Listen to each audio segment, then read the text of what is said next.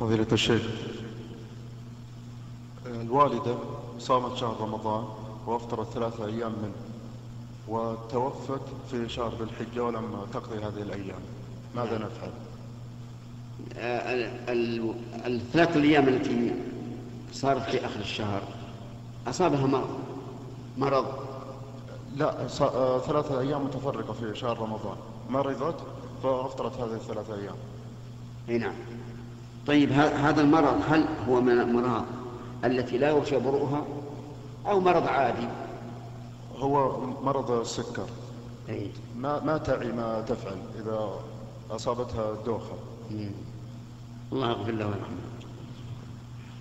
آه، لو أطعمت عن كل يوم مسكين يكون طيب. تطعم عن كل يوم مسكين صاع يكفي لثلاثة مساكين عن الأيام الثلاثة صاع من الرزق اي نعم.